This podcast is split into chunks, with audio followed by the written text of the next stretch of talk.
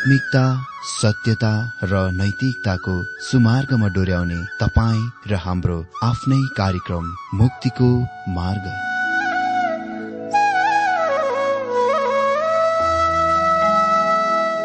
आदरणीय श्रोता यस मुक्तिको मार्ग कार्यक्रममा हार्दिक स्वागत छ। आशा छ यस आत्मिक कार्यक्रमद्वारा जीवनमा आत्मिक आशिष अलौकिक शान्ति र आनन्द प्राप्त गर्नुहुनेछ। र जीवनमा धन्य अनुभव गर्नुहुनेछ। आउनुहोस् श्रोता। मन र आत्माको तयारीको लागि यो मिठो अनि मधुर भजन गीत सुनौ।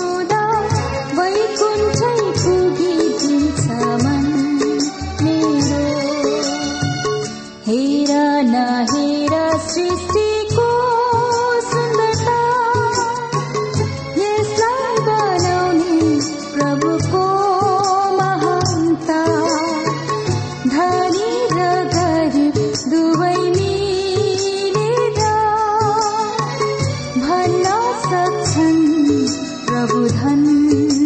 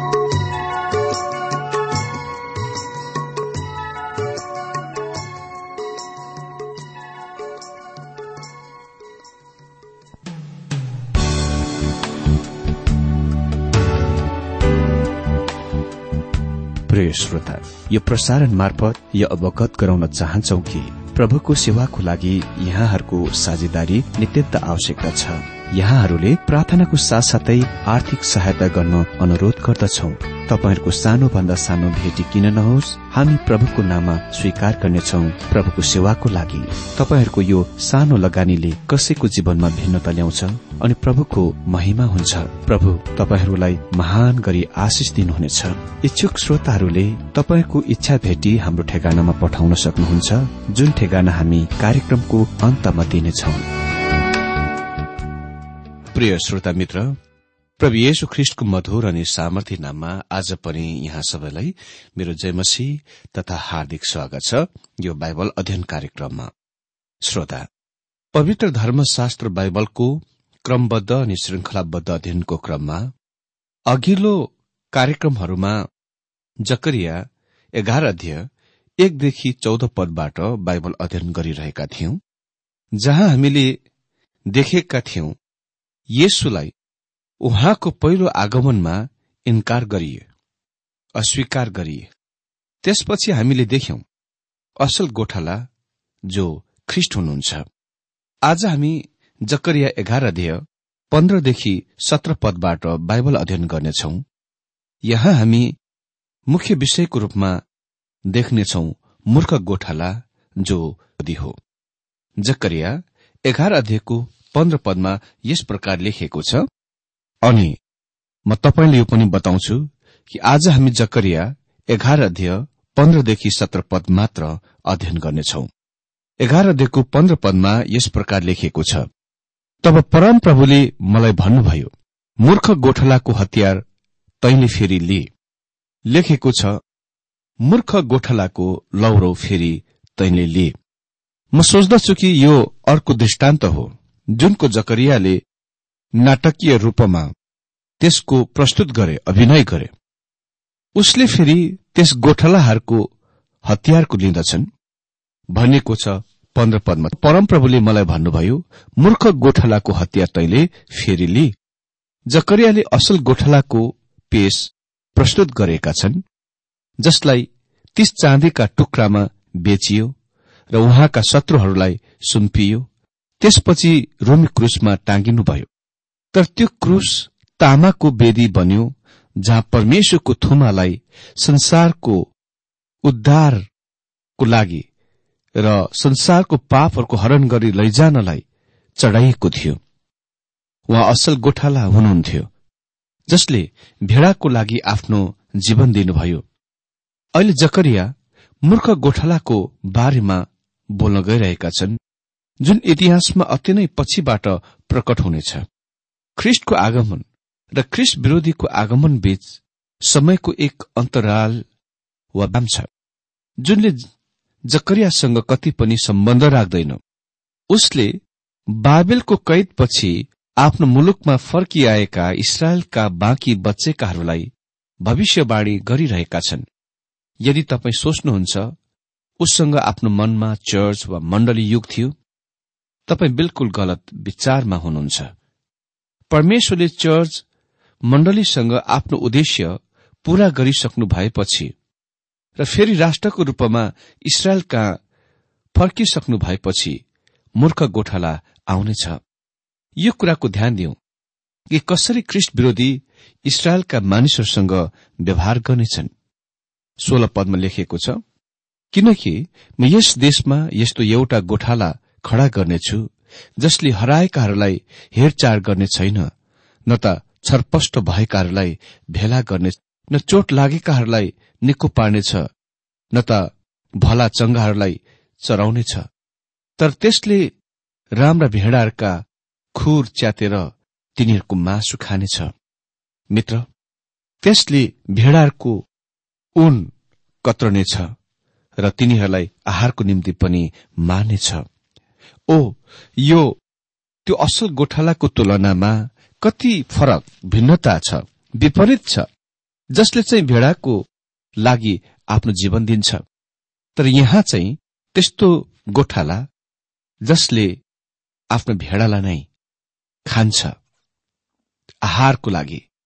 प्रभु येशुले भन्नुभयो युहाना पाँच अध्ययको त्रितालिसमा म आफ्ना पिताको नाउँ आएको छु। तर तिमीहरू मलाई ग्रहण गर्दैनौ। अर्को कोही आफ्नै नाममा आयो भने त्यसलाई ग्रहण गर्नेछौ।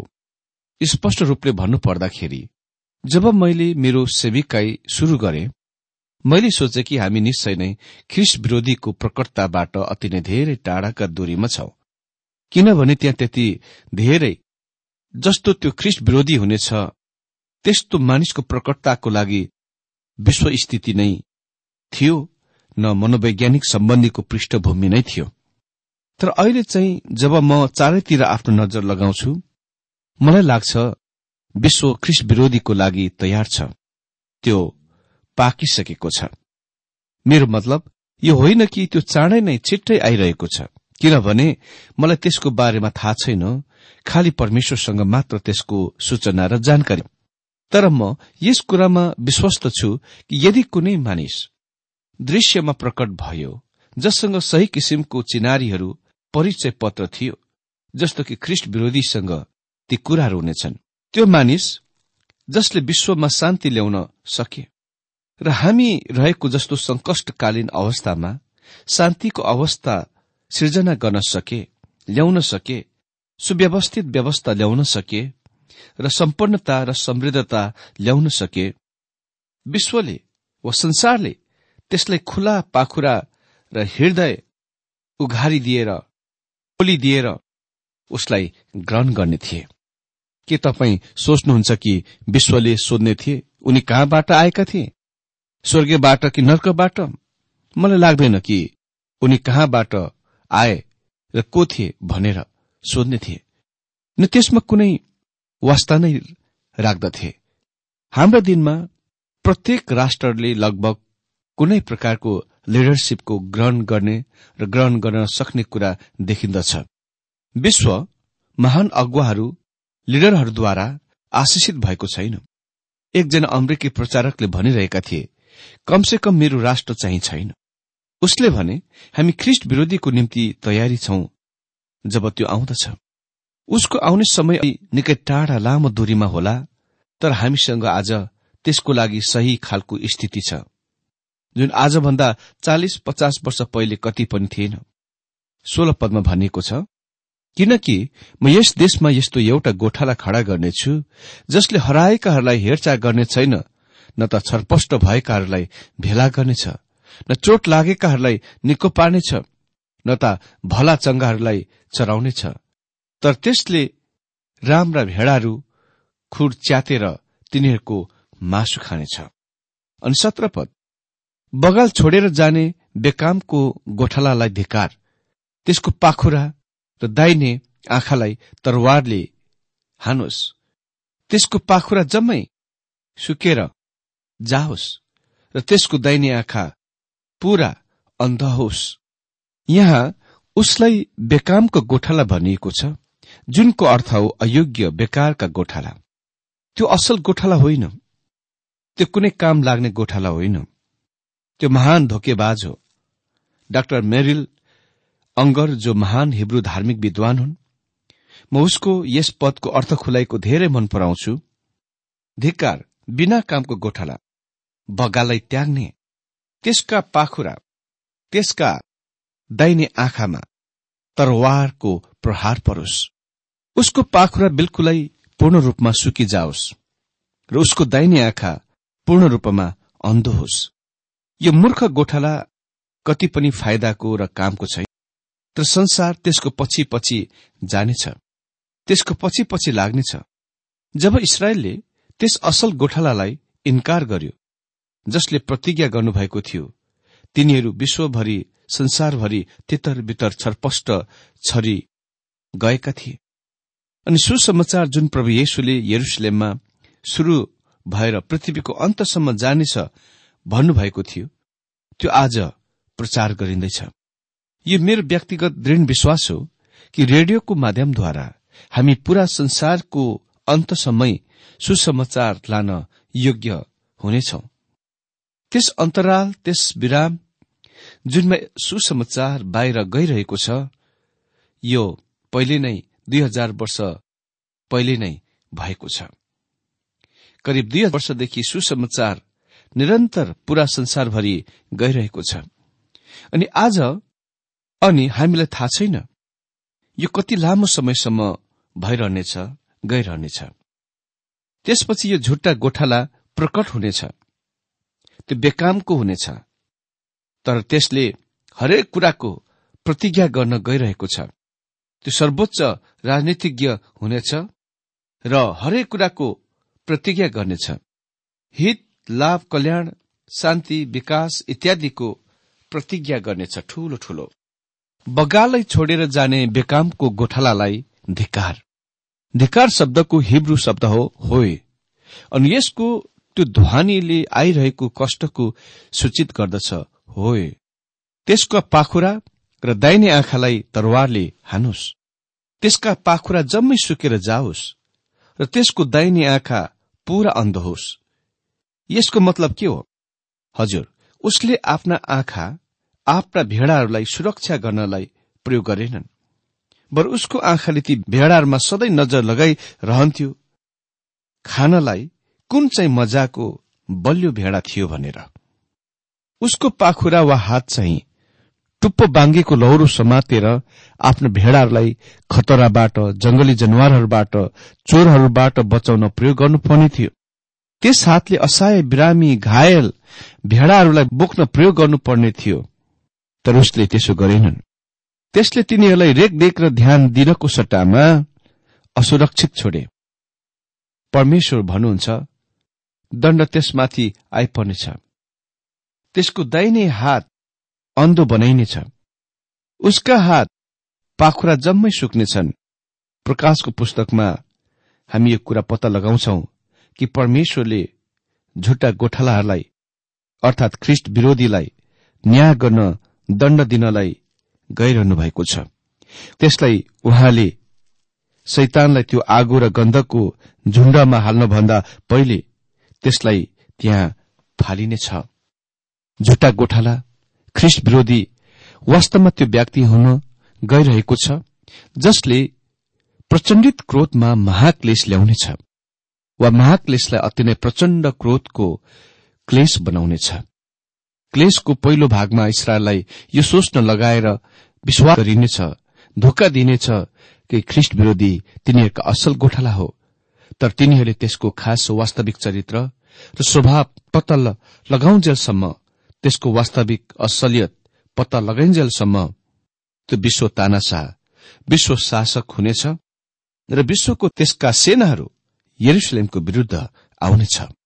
परमेश्वरले आजको यो बाइबल अध्ययनद्वारा हरेकलाई आशिष दिनुभएको होस्।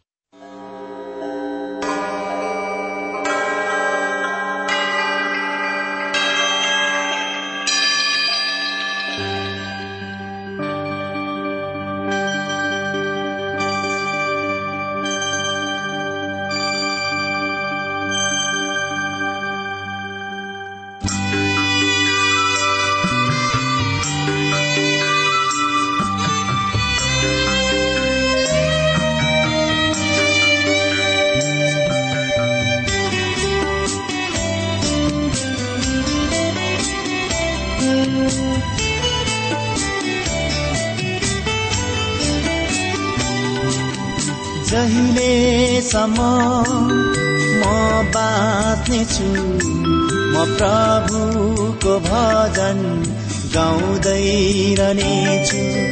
मेरो जीवन रहन्जे म प्रभुको स्तुति गाउँदै रहनेछु। म बाँचुन्जेलसम्मै प्रभुको सेवा गर्नेछु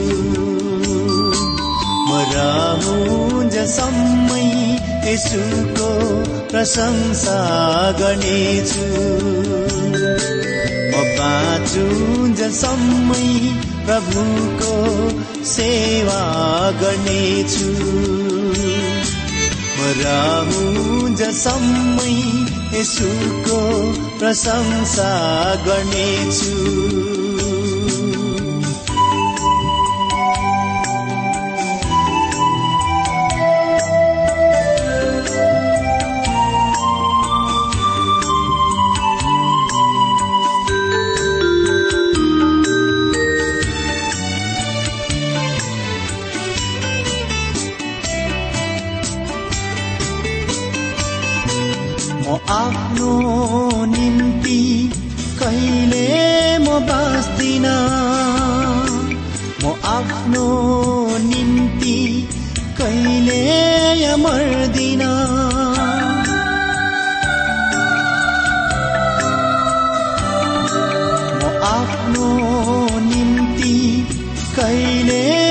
बाँच्दिन म आफ्नो निम्ति कहिले मर्दिन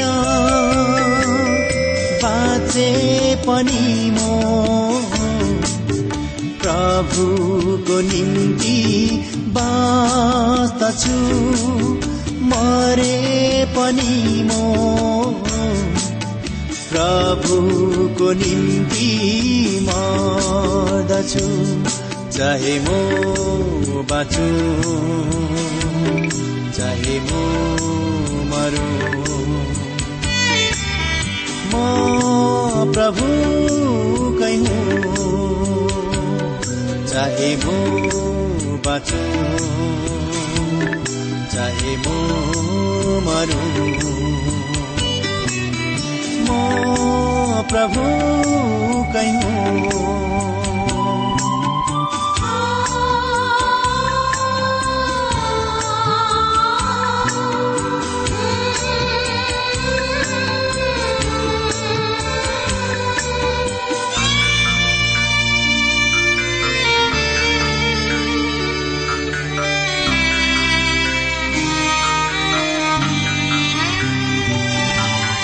पनि मेरो निम्ति मनुभो फेरि तेस्रो दिनमा जी उठ्नु भो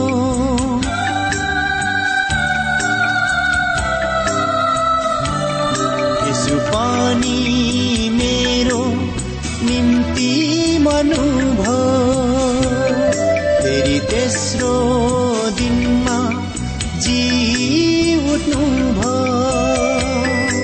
यति ठुलो बलिदान दिने अरूको छ यति धेरै प्रेम गर्ने मेरो अरूको छ चाहे म बाँचु चाहे म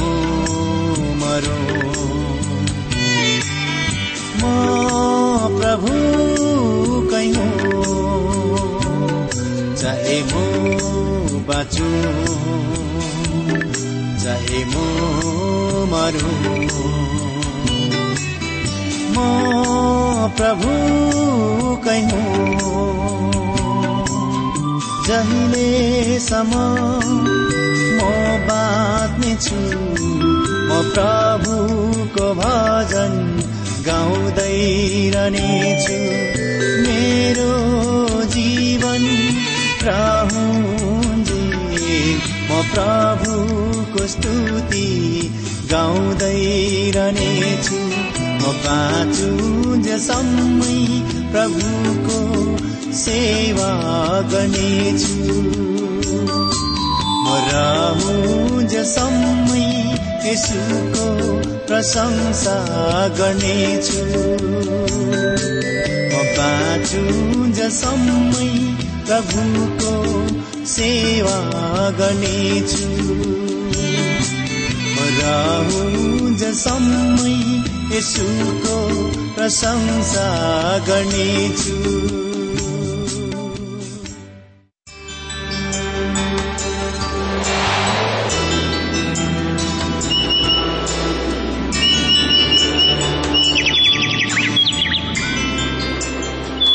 प्रिय श्रोता अहिले भर्खरै तपाईँले टीडब्ल्यूआर नेपालद्वारा सञ्चालित आत्मिक कार्यक्रम मुक्तिको मार्ग सुनिरहनु भएको थियो। श्रोता आजको यो कार्यक्रम सुनेर तपाईँलाई कस्तो लाग्यो? यदि यो कार्यक्रम सुनेर मनमा कुनै खुल्दुली वा कुनै प्रतिक्रिया अर्थात सुझावहरू छन् भने हामीलाई पत्रद्वारा लेख्न सक्नुहुनेछ।